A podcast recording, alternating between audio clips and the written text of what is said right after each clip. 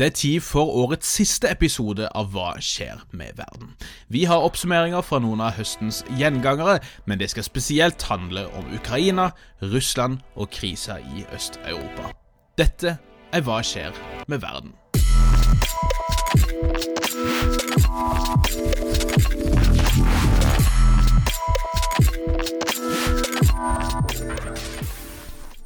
Hei og hjertelig velkommen til eh, en ny episode av podkasten Hva skjer med verden? Denne podden for deg som er interessert i det som rører på seg innen internasjonal politikk, krig og fred og den smørja midt imellom der et sted. Mitt navn er som vanlig Bjørnar, med meg har jeg som vanlig min gode kompanjong og maker Nick Brandal. God mandagsformiddag på eh, Vestlandet til deg, Nick. God mandag, Bjørnar. Her har jo vi fått skikkelig julestemning. Det er pluss ti grader, det er regn, det er vått og det er glatt. Så det er ak akkurat som vinteren skal være på Vestlandet. Ja, og vi, vi, begynner jo å få litt av en sørlandsvinter her i Oslo også. Det er rundt eh, null grader, det er tåke, det er slaps, og i morgen ser jeg for meg at det blir underkjølt eh, vann på veiene også, så dette er aldeles strålende, altså. Men da foreslår jeg at vi beveger oss eh, raskt over til nyheter fra varmere strøk. Ja, la oss gjøre det. Og vi, eh, vi er jo ikke fremmede for å, å harselere litt med norsk rikskringkasting. Det tenker jeg må være lov, når vi tross alt er med på å finansiere de. Eh, og de hadde jo en aldri så liten eh, glipp i, i går, får vi si, Nick, der de eh, slang ut noen av sine sedvanlige nyhetsvarsler ut på det internasjonale nettet, som da eh, havner på våre mobiltelefoner, der vi liksom skal få varsler da om, eh, om kanskje spesielt viktige nyheter. Og eh, til min i hvert fall store overraskelse så fikk vi jo i går høre at Samuel Eto'o, denne velmeritterte fotballspilleren fra Kamerun, han skulle ha blitt valgt til president i Kamerun. Og, og, det er jo ganske sensasjonelt på flere måter, får vi si. På den ene sida så er det jo ikke veldig vanlig at en fotballspiller så kort tid etter endt karriere blir en statsleder. Vi har riktignok sett det med George Weah, f.eks., i Liberia. Men det virker jo ganske utrolig, og kanskje spesielt gitt at den sittende presidenten her, Paul Bia er verdens lengst eh, sittende statsleder som ikke er monark. Han har styrt sjappa der i ca. 40 år, og det virker ikke så veldig sannsynlig at han er interessert i å gi fra seg den makta via et demokratisk valg. Så dette var jo ganske sensasjonelle nyheter, men så gikk det jo da et par minutter før det kom ut en, en liten, men ganske betydelig korreksjon, nemlig at det ikke var til landets president han hadde blitt valgt, Samuel Eto'o, men til president for, eh, for landets fotballføderasjon. Og, og, der vi er for mer oppmerksomhet rundt eh, begivenheter på det afrikanske kontinentet, så vet jeg ikke om det at Samuel Eto'o er valgt som president for Kameruns fotballforbund, det er kanskje ikke så nyhetsverdig at vi trenger å, å bli forstyrra på en søndag ettermiddag med det, Dick. Nei, men eh, til et lite forsvar for NRK. Eh, det er ikke så mange eh, mennesker fra Afrika vi kjenner navnet til. Eh, Afrika er stort, og det er veldig langt borte. Så hederlig innsats. Premien går til, går til NRK. Men ja, og det er ikke en stakkars, eh, stakkars vikar som kanskje ikke har så god kjennskap til den afrikanske kommunen Kamerun, som har gått litt i baret der, men det kan skje den beste, altså. Eh, og vi, eh, vi, er jo nødt også bare til å, å nevne ganske absurde innslag fra den eh, tragiske og høyst reelle flyktningkrisa langs grensa mellom Belarus og Polen. For der ble det jo avholdt en aldri så liten støttekonsert, såkalt, for, eh, for disse tapre polske soldatene som bemanner grensen mot Belarus. Eh, støttekonsert vil kanskje noen kalle det. Jeg vil nok kategorisert det mer eh, tortur, kanskje. Men på denne støttekonserten så diska altså arrangørene opp med noen av de beste eller verste, alt dette som du ser det, innslagene fra 90- og tidlig 2000-tall. På denne artistlista så kunne vi annet finne Lou Bega, som jo kunne eh, hamre ut sin gode klassiker Mambo Number Five i en kontekst av en pågående flyktningkrise. Men, men, min kanskje favoritt, som jo jeg husker veldig godt fra mine glansdager i 2002, det var jo Las Ketchup, som da diska opp med Ketchup-song. Og jeg vet ikke med deg, Nick, men hvis jeg er litt nedfor, litt sliten og trenger trøst, så er Las Ketchup alltid et godt sted å, å søke så tenker jeg vi kan rulle i gang med eh, vår roundup. Faktisk årets siste roundup. Eh, og nettopp fordi det er årets siste, så skal vi prøve å og rett og slett ta en liten roundup av noen av de casene vi har kommet tilbake til gang etter gang. Og eh, så kommer vi avslutningsvis i temabolken til å vie en del tid til den store saken for tida, nemlig disse svært høye og akk så pågående spenningene mellom Ukraina og Russland.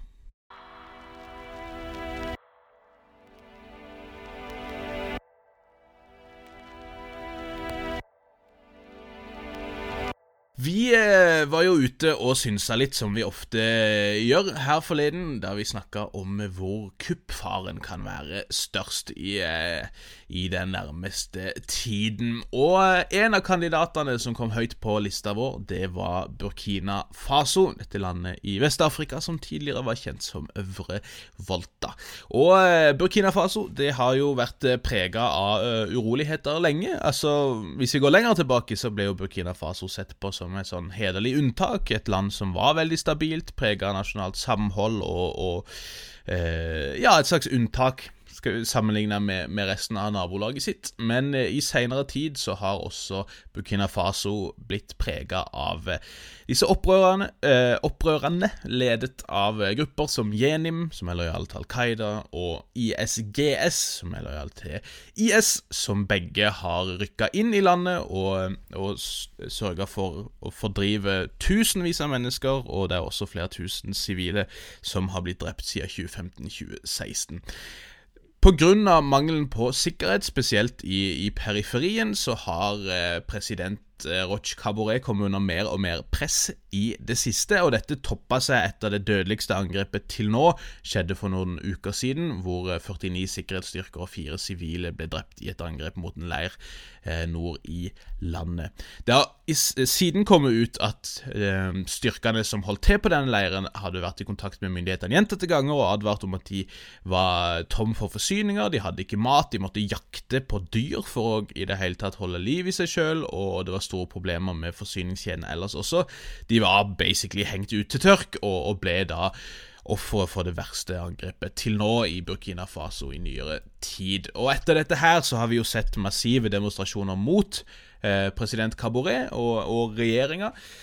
Som, som, da man mener har mislyktes her, og, og, vi har jo tenkt kanskje dette her kan være en oppskrift på sikt for et militærkupp. Et militærkupp har det ikke blitt, men president Caboret har nå sett seg nødt til å gjøre noe. Og det siste man har gjort nå, er jo rett og slett å gi statsministeren og hans regjering fyken. Så det har ikke vært noe kupp, men det har blitt store politiske endringer. Så Sist uke så eh, fikk statsminister Christophe Dabiré rett og slett sparken av eh, president Kabore. Og eh, etter da diktat, basically, så innsatte da Kabore en ny statsminister, som da får i oppgave å sette sammen en ny regjering. Den nye statsministeren heter Lasina Serbo. Han skal ikke være veldig godt kjent innad i Burkina Faso, men han har hatt en eh, en nokså langvarig og skal vi si, suksessfull internasjonal karriere. Han er utdannet geofysiker og har eh, jobba og vært eh, executive secretary, såkalt, i eh, organisasjonen Comprehensive Nuclear Test Ban Treaty Organization i Genéve. Den eh, rollen har han hatt siden 2013 og frem til nå. Så dette er en mann som, eh, som for så vidt har en del et, et, betydelig internasjonalt nettverk, noe som nok er en en eh, viktig ting i eh, å forstå hvorfor akkurat han har fått denne gigen. Eh, det ble også rapportert både fra Niger og Burkina Faso at de sammen har eh, hatt militære operasjoner langs sine felles grenser, der de hevder å ha rydda ut et par leire og drept ca. 100 terrorister, såkalt. Eh, så det skjer en hel del på disse traktene. Kuppet er tilsynelatende avverget, eh, men vi får se om, om om dette her gjør stor forskjell. Mye av demonstrasjonene er jo retta mot presidenten, ikke nødvendigvis mot statsministeren, så det spørs hvor, hvor mye dette her er med på å, å uh, roe gemyttene, for å si det slik. Så fikk vi jo litt eh, nye, gamle nyheter, eller gamle, nye nyheter eh, fra Myanmar. BBC har fått tak i et brev skrevet på vegne av rohingya-flyktninger som eh, anklager Facebook for å ha vært delaktig i folkemordet. Ja, mer eller mindre. Det er rett og slett eh, flere rohingya-flyktninger, noen av de basert i Storbritannia, noen av de i USA, som, som rett og slett går til sak mot Facebook. Eh, med da søksmål som til sammen da utgjør ca. 150 millioner dollar. Eh, der de anklager Facebook for å ha tillatt eh, hatprat og, og eh, for, altså, oppmuntring til vold mot rohingyaer i Myanmar i eh, tiden opp mot det som i økende grad omtales som et folkemord mot rohingyaene i 2017. Og, og, som du sier, så har BBC da eh, fått tilgang til et brev skrevet av et advokatfirma på vegne av noen av disse flyktningene i Storbritannia, hvor eh, dette brevet da, og, og disse rohingyaene anklager Facebook for en rekke ting. Blant annet så sier man at Facebooks algoritmer både forsterker og, og liksom aktivt løfter fram hatpraten mot rohingyaene. Man sier at Facebook ikke investerte i faktasjekkere og moderatorer som, som, på en måte hadde kjennskap til en politisk situasjon i Myanmar, og som nå kunne, kunne sett litt mer hvor, hvor, dette kommer fra, og hvor det kunne bære hen. Eh, de anklager Facebook for ikke å ha tatt ned innhold som oppfordrer til vold mot rohingyaene, og de anklager Facebook for ikke å ha handla i tide for å stoppe det som eh, skjedde, til tross for mange advarsler både fra medieorganisasjoner og forskjellige veldedige organisasjoner. Eh, også i California så har et annet advokatfirma retta en formell juridisk klage mot Altså dette går da mot Meta, som eier Facebook, eh, tidligere Facebook-selskapet. Eh, og en I California, i den saken, så hevder dette advokatfirmaet på vegne av rohingya-flyktninger at Facebook visste om volden som de forårsaka etter Facebook ble introdusert i Myanmar i 2011, men at de valgte å ikke gjøre noe. Og, og liksom den kanskje spisseste formuleringa i denne anklagen er at Facebook var willing to trade the lives of the Rohingya people for better market penetration in a small country in Southeast Asia. Og det har jo vært skrevet en del om dette tidligere også, at det er ca. 20 millioner Facebook-brukere i Myanmar. For veldig mange så er Facebook deres nyhetskilde, og, og eh, når det da publiseres masse oppmuntringer til vold og konspirasjonsteorier osv., så, videre, så er dette her fryktelig brennbart, noe det dessverre også viser seg å være der. Og dette er ikke unikt for Myanmar. Vi kan se det i Etiopia i dag, vi kan se det i Nigeria, vi har sett det i en rekke forskjellige kontekster, hvordan oppmuntring til vold, ja, USA for den saks skyld, har fått eh, bli stående. Hvordan rasistiske ting har fått blitt stående. Eh, og det er jo ting som tyder på at Facebook vet veldig godt at disse tingene skaper masse trafikk. Trafikk er god butikk, og derfor så kan det være årsaker til å la dette bli stående. Altså, Facebook kontrollerer ca. halvparten av annonsemarkedet utenfor Kina.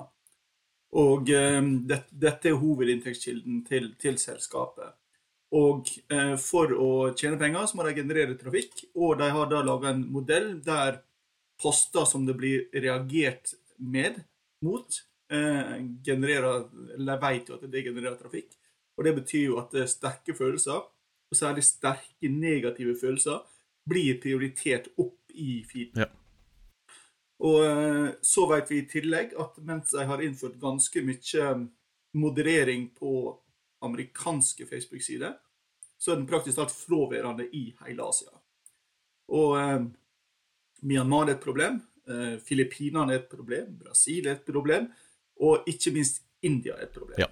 Eh, så, da, så, alt dette her fikk vi jo vite ganske mye om tidligere i høst, når en uh, tidligere medarbeider, Frances Haugen, um, hoppa av, mm -hmm. for å bruke det, det ordet. Ja. Og um, var jo en lengre serie i Wall Street Journal, og hun var også i Kongressen og fortalte om dette her.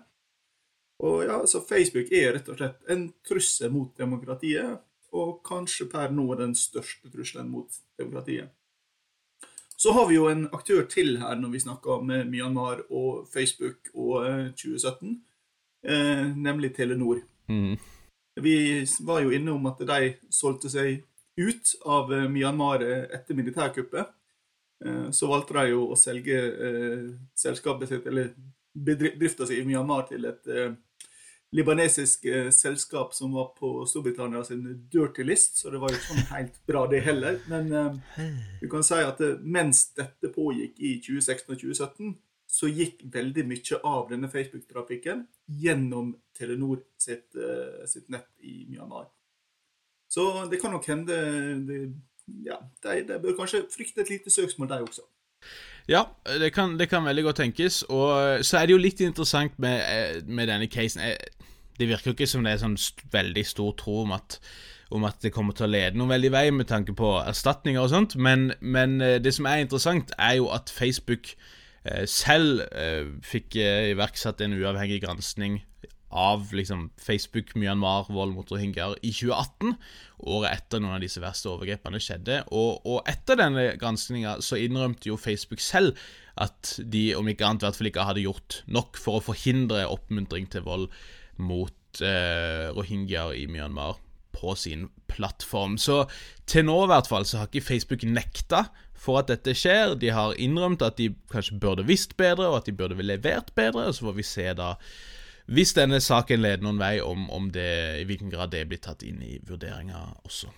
Et land som vi har brukt veldig mye tid på, med god grunn, i, i høst, det er jo Afghanistan. Og, og, det passer seg jo kanskje greit å ta en liten sånn eh, oppsummering av Afghanistan og hvor ting står nå, før vi tar juleferie, Nick. Ja, det siste vi, gangene har vi jo snakka veldig mye om denne eh, sult- og nødskatastrofer. Og den har jo ikke forsvunnet. Det er millioner av mennesker som eh, ja, mangler det aller, aller meste. Eh, mm. Samtidig så var jo ett av håpa at eh, Taliban skulle gjeninnføre en slags orden. Det har foreløpig heller ikke slått til. Nei. Tvert imot så ser vi jo at det såkalte ISK har eh, stadig gjennomført angrep. Og det er ikke lenger bare ute i provinsene, det er også i sentrale byer, bl.a. Kabul. Ja, og det, det, mm, Altså Når man har sett på hvordan IS har operert i andre deler av verden, så er det ikke på en måte noen overraskelse, kanskje, at de har mange hvilende celler som er rundt omkring, og som, som aktiveres når, eh, når, det er behov for det. Det har vi jo for så vidt også sett med ADF, som er på en måte IS' representant i Sentral-Afrika, hvor også de har stått for flere angrep i eh, Kampala nå i Uganda. Og, og, det ser vi også med ISK, der de i utgangspunktet var veldig aktive oppe i nordøst og rundt Jalalabad bl.a. Så, eh, så har det nå vært indikasjoner på at det er tilstedeværelse fra ISK i, i så å si alle provinsene. Og, og, en av de kanskje sterkeste indikatorene på deres styrker, på hvor sofistikerte både nettverkene og operasjonene deres er, det er jo at vi har sett en rekke angrep i Kabul. Både mot sivile, men også mot, eh, mot Taliban-styrker også. Så eh, ISK virker å være godt organiserte. Det er jo en viss overlapp for så vidt også. Det har vært noe personell som har hoppa fra det ene til det andre. Og, og litt, av, litt av trøbbelet for Taliban er jo det at hvis de, hvis IS lykkes med sin propaganda om at Taliban er altfor softe, spesielt hvis Taliban nå skal prøve å posisjonere seg for å få mer internasjonal anerkjennelse, så risikerer man jo at man mister en del både stridende og kanskje også kommandører fra Taliban til langt mer kompromissløse og hardcore eh, ISK som, som, også er en, en, utfordring for Taliban. Og Taliban står jo i en rekke forskjellige dragkamper, egentlig. Man har eh, den ene klikken med dette Haqqani-nettverket, som eh, både skal drive med kontraterror, selv om det var de som også styrte terroraktiviteten til Taliban i sin tid. De har tette linker til Pakistan. Så har man også den gjengen fra sør, Helmand, som har tettere bånd til Iran, eh, som er mer avhengig av narkotikaproduksjon. Og der er det jo ting som tyder på at Taliban faktisk kan komme til å legalisere eh, noe av denne virksomheten, antageligvis fordi at de vet at, at de er avhengig av det for å holde bevegelsen sammen og for å få inn viktige inntekter. Um, men det er dragkamper internt, og, og, så blir det ikke bedre heller at, at også Al Qaida er ute og melder om det ene og det andre. Ayman al-Zawahiri, jihadist-boomeren over alle boomere, han uh, hadde jo en lang tale nylig om, om FN, som åpenbart var retta mot Taliban, og spørsmålet om Taliban skulle søke anerkjennelse i FN eh, som liksom Afghanistans representant der, og det var jo også han sterkt imot, noe også IS og, og, mange andre jihadister er. Så det er mye hodebry for, for Taliban rent bare sånn ideologisk, politisk, hvordan man skal posisjonere seg vis-à-vis -vis andre konkurrenter som kan gjøre krav på å være mer kompromissløse, mer eh, rene og, og ukorrumperte osv. Men så er det jo også dette store, store problemet, som du sier, med både en dyp økonomisk krise, men mest av alt en dyp, dyp humanitær krise. Ja, for å sette dette i perspektiv. Eh, I løpet av 20 år med krig eh, så ble det drept omtrent eh, ja, litt under 50 000 sivile, er de tallene som, som det ofte blir operert med. Nå kalkulerer Verdens helseorganisasjon at denne vinteren her, hvis ikke noe skjer, så kan én million barn under fem år dø av sult. Mm. Og 2,2 millioner til vil ha alvorlig underernæring. Ja. ja. og man opererer jo med litt sånne forskjellige begreper, da, sånt her øh, øh, Hvis man ser på liksom humanitærbransjen, som kan være litt sånn vanskelig å forstå, men, men eh, man snakker nå om at 23 millioner, altså over 50% av Afghanistans befolkning, opplever sult, eller hunger. Eh, men så er det ytterligere ni millioner av disse som risikerer famine, som da er liksom sult på en stor skala, ofte da med dødelig utfall. Og, og uh, afghanske vintre er bøse nok i seg sjøl, holdt på å si.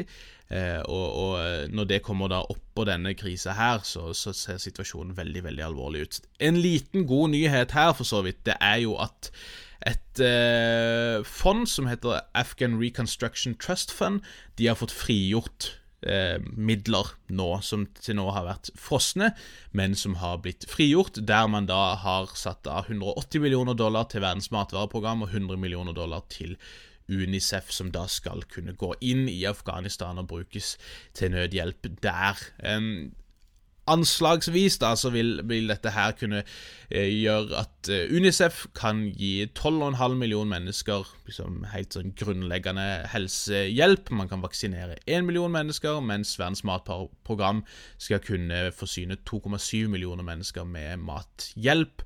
Og 840 000 cirka da, mødre og barn med ernæringshjelp. Så det hjelper jo, men, men, det viser igjen et typisk problem når man ser på eh, humanitær innsats og nødhjelp, at stort sett så tar man sikte på å hjelpe langt færre enn det eh, behovet egentlig er på, fordi at man sjelden har midler nok til å, å hjelpe i nærheten av så mange som, som faktisk trenger hjelp.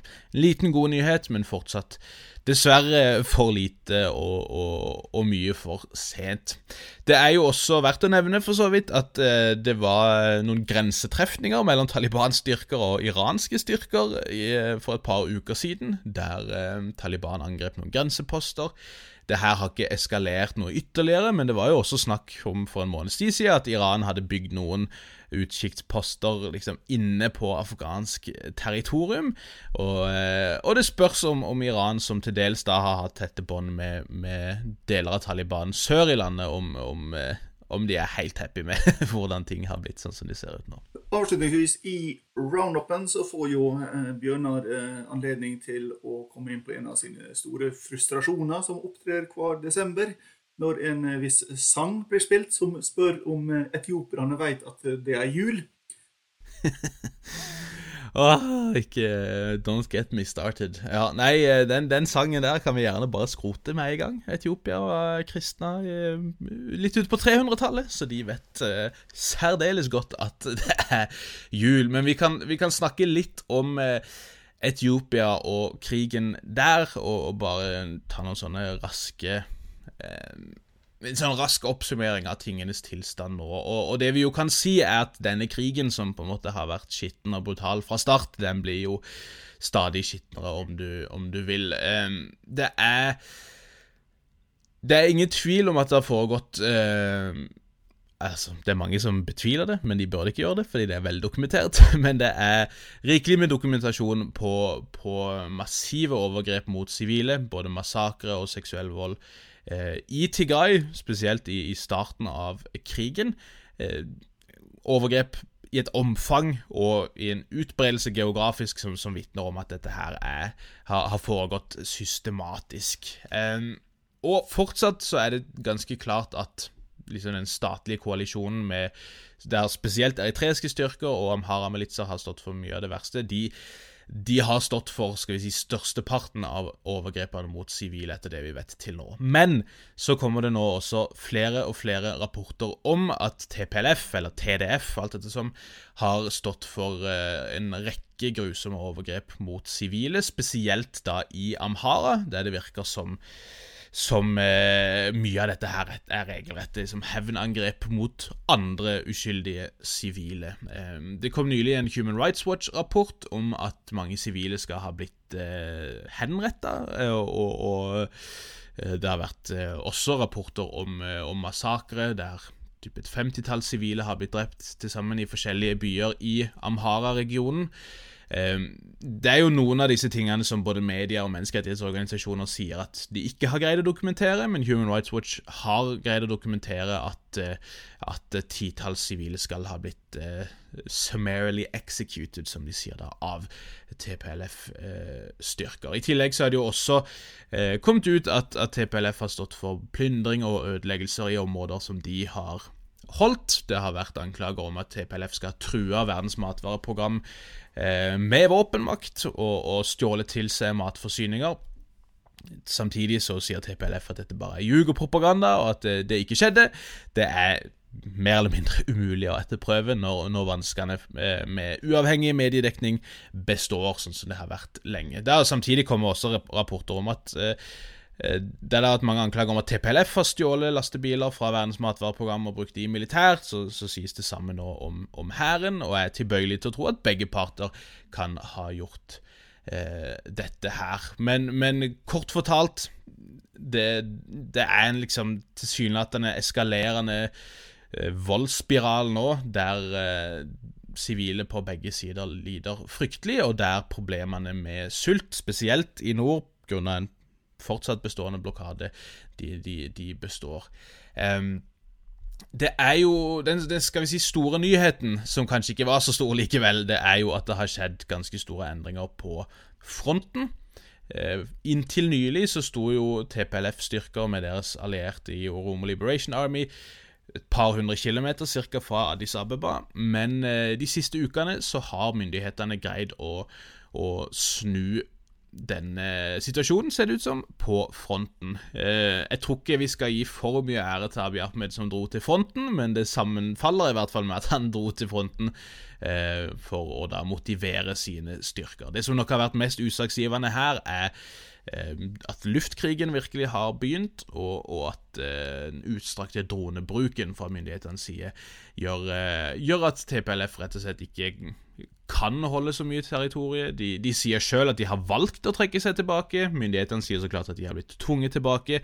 Sannheten er nok et sted litt sånn midt innimellom, men de har uansett blitt tvunget til å tilpasse seg, gitt at en, en hær som domineres av fotsoldater, er fryktelig sårbar for, for luftangrep på den skalaen som nå foregår i Etiopia. Men eh, det starta med at eh, etiopiske myndigheter og føderalhæren eh, har slått tilbake TPLF i øst, eh, der TPLF har prøvd å åpne en korridor ut til Djibouti. Det har de ikke lyktes med. Og, og Senere også så har eh, myndighetene da tatt tilbake territorier på denne aksen sørover mot Addis Ababa og pusha TPLF nordover tilbake mot Tikkarai-regionen. Og uh, igjen da så har statsminister Abiy Ahmed vært, vært, ute og sagt at seieren er, er nær, og, og at uh, TDF liksom er på det siste. Og så går det bitte litt tid, og så sier TDF, og det virker å være bekreftet også, at de har tatt tilbake noen av de områdene som de nettopp da angivelig mista. Og eh, det var blant annet liksom, et statement da, med mer eller mindre skryt, liksom, av føderalhæren, der eh, de sa at de hadde avskåret opprørerne ved å ta kontroll over den liksom viktigste ruta som går fra Amhara-regionen og opp til Mekkele, hovedstaden i Tigray-regionen. Og, og, og, impliserte jo egentlig da at de hadde omringa styrker lenger sør. Men eh, så gikk det noen dager, og så hadde TDF tatt kontroll over flere byer. Og det er kanskje liksom mest uh, absurde Eller absurde eh, Ja, stusslige tilfellet er jo byen Lalibela, en by som er på Unescos verdensarvliste pga. noen fantastiske steinkirker som er hogd ut av fjellet der. Den ligger nord i Amhara, ikke så langt fra grensa til Tigray, og den har da på fire måneder bytta hender fire ganger i det som har blitt en ganske sånn meningsløs eh, kamp om territorium, som, som ikke vel egentlig har stor strategisk betydning. Og Eh, TDF ble jo senest da jagd ut av denne byen for elleve dager siden, men nå i helga så kom det frem at TDF skulle ha tatt tilbake denne byen uten kamp, som jo liksom viser da at eh, det begynner å bli nokså sånn meningsløs eh, utveksling av territorium og utveksling av, av hevnangrep mot, mot sivile, dette her. Eh, så enn så lenge så, så, så ligger det an til at denne her konflikten kan vare og rekke nå, mer enn at det er noe nært forestående slutt. Eh, I tillegg så fortsetter jo dessverre disse eh, veldig urovekkende rapportene om massearrestasjoner av tigrianere i Addis. Det er noen eh, rapporter som nok foreløpig bør behandles som rykter om at en del, eh, i hvert fall mannlige tigrianere, har blitt tatt til Eritrea, til leirer der. Det er rykter om at de blir henretta der. Enn så lenge så, så, virker det for meg som om dette er rykter, så jeg skal ikke legge for mye i det. Men det er ingen tvil om at eh, titusener har blitt internert, simpelthen fordi de er tigrianere. Eh, så, så, det er jo stadig mer bekymring, både fra politiske ledere, amerikanske utenriksdepartementer og andre, om at eh, om det ikke har vært et folkemord før, så kan et folkemord være nært forestående. USA har sagt de skal komme med et statement om hvorvidt det er det eller ikke, men, men foreløpig så er det ingen som har, har gått ut og, og, uttalt at dette er det som, som faktisk skjer akkurat nå. Da. Og her kan vi jo da helt avslutningsvis nevne at man er i det samme problemfeltet som vi ser med Xinjiang, som vi ser med Myanmar. At uh, folkemordskonvensjonen, uh, som heter Convention to Prevent, uh, mm -hmm. ikke kan virke å være ubrukelig til å forhindre. Rett og slett fordi ja. fakta for, vil være for omstridt, vil være for vanskelig å dokumentere, med mindre man har en politiker som er dum nok til å skrive og si rett ut eh, hva eh, vedkommende har tenkt å gjøre.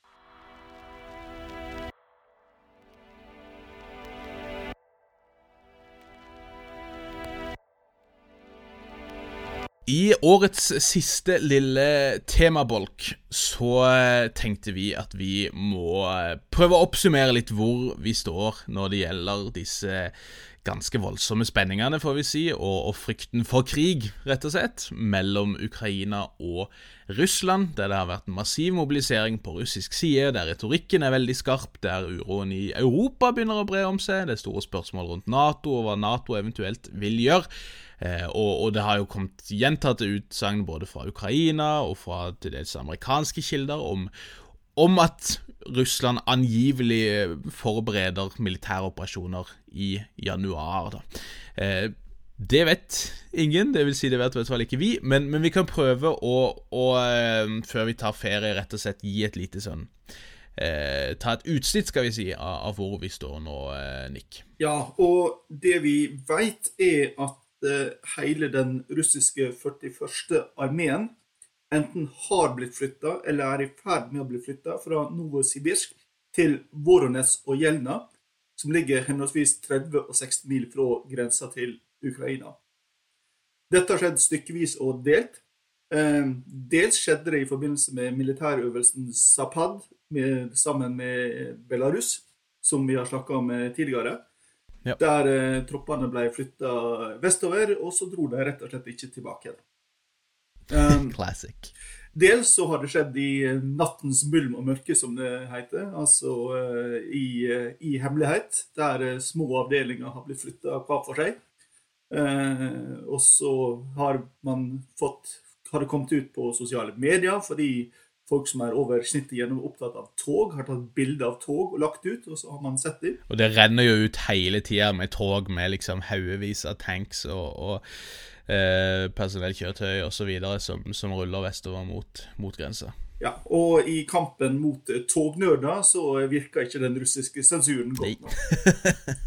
De, de, har jo prøvd å stoppe dette, men det, det, går ikke. Og så har man jo fått satellittbilde av disse nye basene da, eh, i, eh, på grensa mot, eh, mot Ukraina. Eh, og disse avdelingene som har blitt flytta, inkluderer avdelinger som også var med under invasjonen på Krim i 2014. Og det inkluderer også andre avdelinger enn denne da 41. armeen, bl.a. den 8. motoriserte riflebrigaden, som normalt står i Nord-Kaukasus.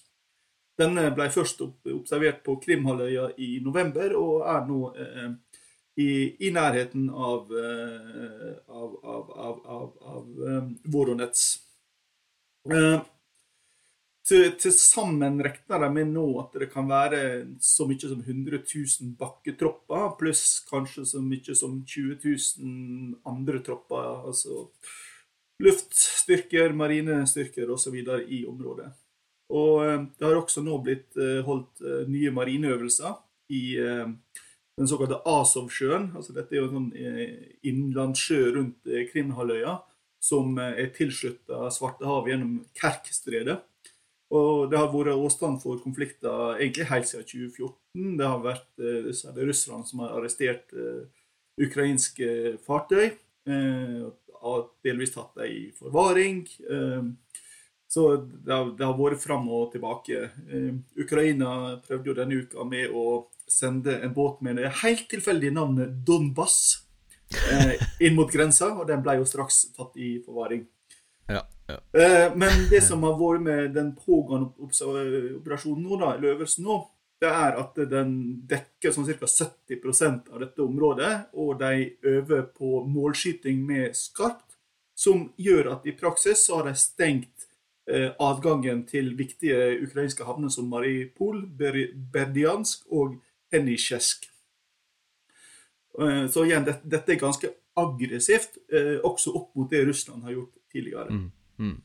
Så eh, vi har da økende aktivitet i lufta, til lands og til vanns. Så er jo spørsmålet hva formålet med dette her er. Hva er det du vil, Vladimir? Det kan neppe være et tilfeldig innfall. Dette, her må det være en slags plan. Altså, mm. Det må være et formål. Ja. Og så har vi jo tidligere snakka om problemet med Ukraina her. er jo at vi nå har to parter eh, som tilsynelatende begge har satt en absolutt rød strek som de krever at den andre sida ikke skal krysse. Mm. Eh, og det gjør jo at begge sidene har et troverdighetsproblem hvis de tillater den andre å krysse denne streken. Mm. For Nato eh, så vil det jo være umulig å gi, i praksis gi Russland vetorett over eh, hvem som kan bli medlem og ikke medlem. De har jo tidligere starta et slags spor der både Georgia og Ukraina kanskje en gang i en tenkt framtid langt framme kunne bli medlemmer. Mm.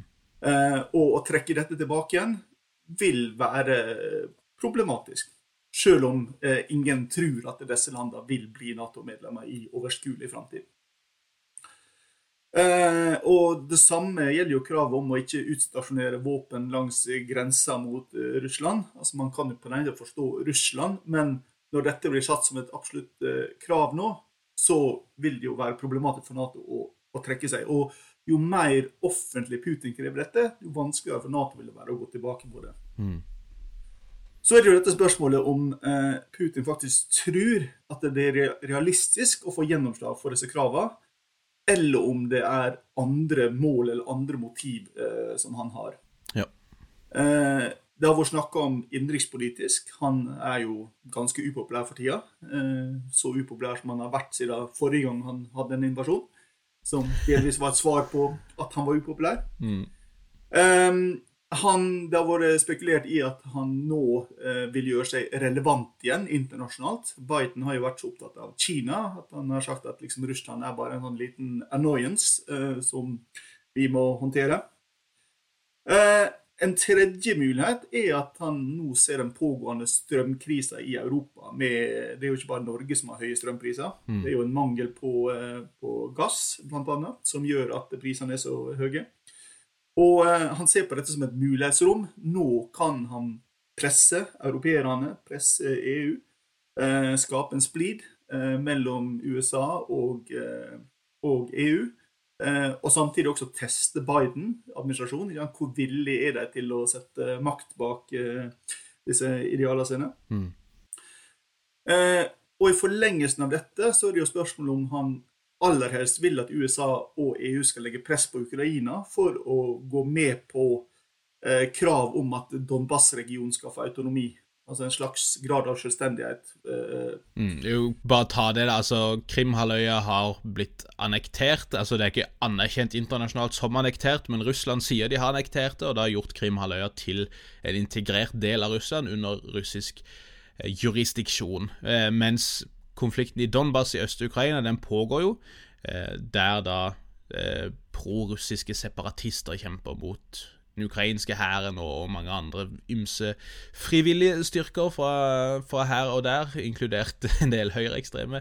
Eh, men der da denne, denne, regionen fortsatt er en del av Ukraina, og så er det jo spørsmålet om den skal løsrive seg, om den skal få mer autonomi innenfor Ukraina, og så videre.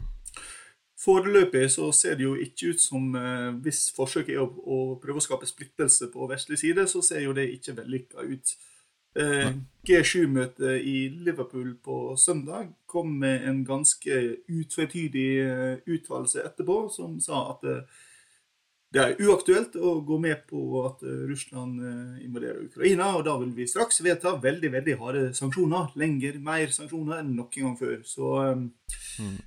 Vel. Um, men eh, eh, den nye tyske utenriksministeren Annalena Baerbock har jo gitt sagt at hvis det skjer noe i Ukraina, så stenger de ned de russiske gasslinjene.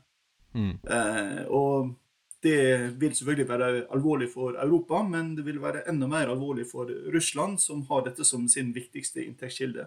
Ja. Eh, og vi har også sett en kraftig økning i Nato sin aktivitet eh, i luftrommet over Ukraina. De har sendt eh, stadig flere rekognoseringsfly eh, langs grensa mot Donbass og mot Transnistria, som er en sånn separatist- eh, eller utbryterregion i Moldova, eh, som er prorussisk. Eh, med bl.a. et ganske avansert amerikansk spionfly for nordene, oss, RC-135W.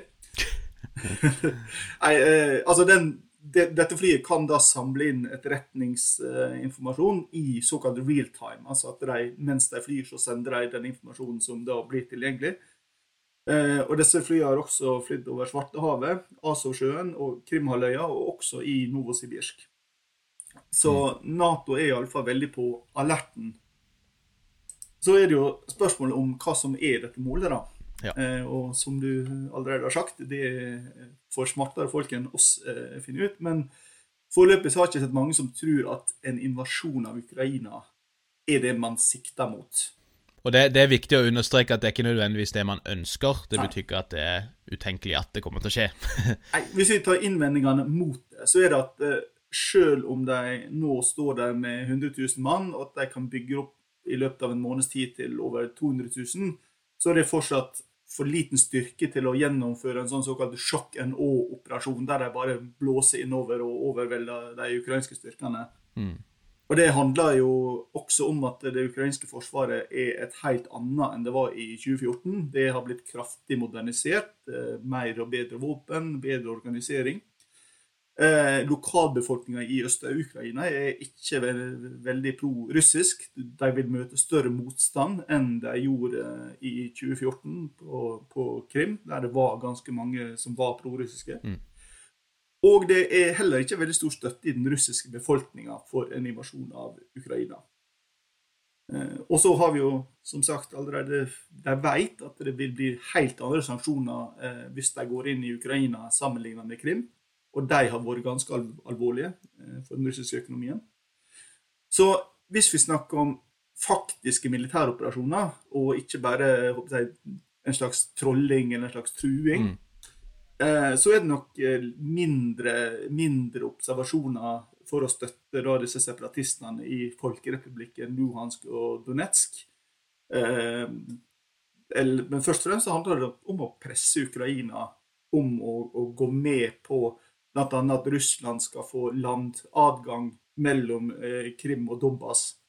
For det, eh, altså, her er det jo en sånn ukrainsk territorium som skiller av disse her. Eh, og det, det, at det er så vanskelig tilgang der, er et problem for økonomiene på, på begge plasser, eller i begge områder. Mm.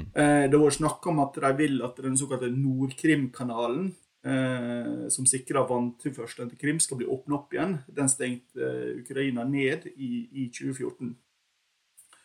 Så, så liksom, her, her, er det det vi snakker om, de rasjonelle forklaringene, eller målene, som man antar. Så er jo problemet at eh, Putin eh, har jo ikke alltid vært rasjonell slik vi forstår det, eller slik Nato og EU har forstått det. Og han har jo hatt en tendens til å velge militære løsninger på det som man skulle tro var politiske problem, på et tidspunkt der de fleste analytikerne trodde han ikke kom til å gjøre det. Mm.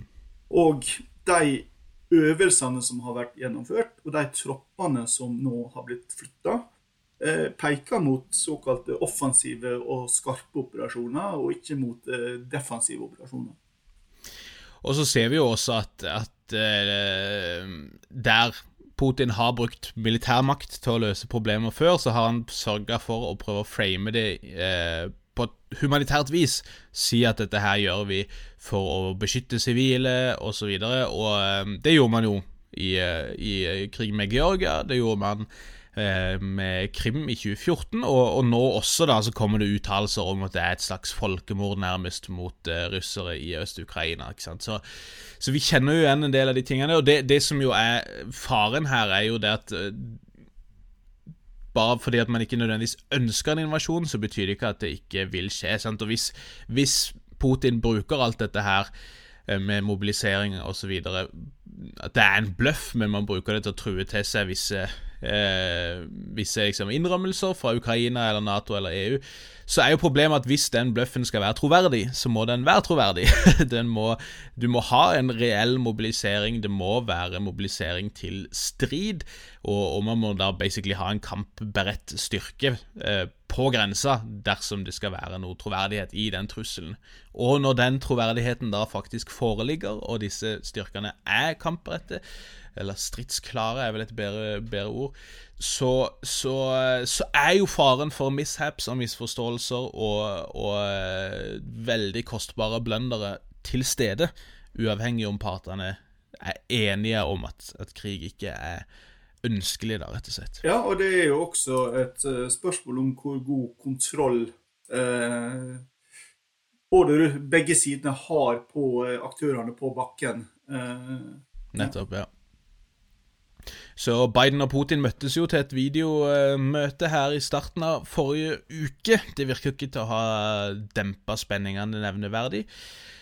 Um, så får vi rett og slett bare se Altså, de, de, som har advart om krig av politiske aktører her, som ikke er Russland, de, de har jo sagt at de, de, tror dette vil skje eventuelt i januar, da. Mot slutten av januar, gjerne. Det er jo spekulasjon, og, og vi får håpe at det det blir med det, håper jeg å si. Men, eh, men, da har vi i hvert fall eh, fått sagt litt om, om på en måte bakteppet eh, til disse spenningene. Og så, så, forblir det jo da litt uvisst hva som er formålet med dette her, når alt kommer til alt. Og så får vi håpe at det er en bløff som, som forblir en bløff, og, og ta det derfra. Greit at ikke julefeiringa blir forstyrra, i hvert fall, om ikke annet. Ja, nå, eh, nå, kommer jo den russiske jula litt etter vår jula. Ja, ikke sant. Den kommer jo litt ut er det 6. januar? De... Ja, jeg tror det nok sånn. Ja. Så, samme som Etiopia, for øvrig. Eh, nei, så kanskje de kan vente til, til etter, etter vi alle er ferdig med jul, i hvert fall. Om ikke annet. Vi får håpe at, at uh, de kaldere huene seirer i dette her. Og så skal vi følge med så godt vi kan når vi er tilbake. Så foreslår jeg at uh, hvis det finnes en gud, så får han sørge for at alle som bryter julefreden, må tilbringe evigheten med å høre på Swedish Metal Aid sin Give a Helping Hand-sang fra 1984. grusomt, grusomt. Den knuser absolutt alle. Altså, dette er jo høydepunktet av puddelrocken, der Sverige var ledende i verden.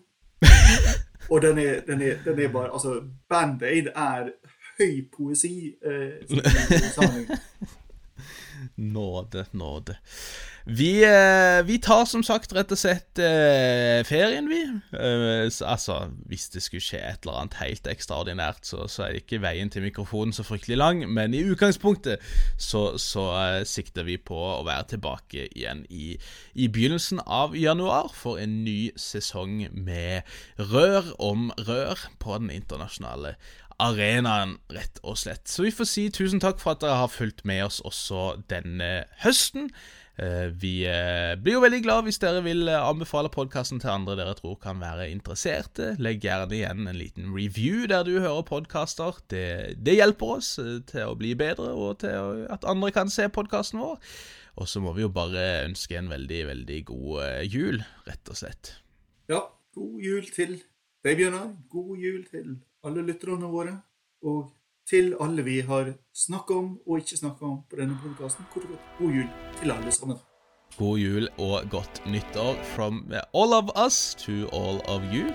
Vi snakkes.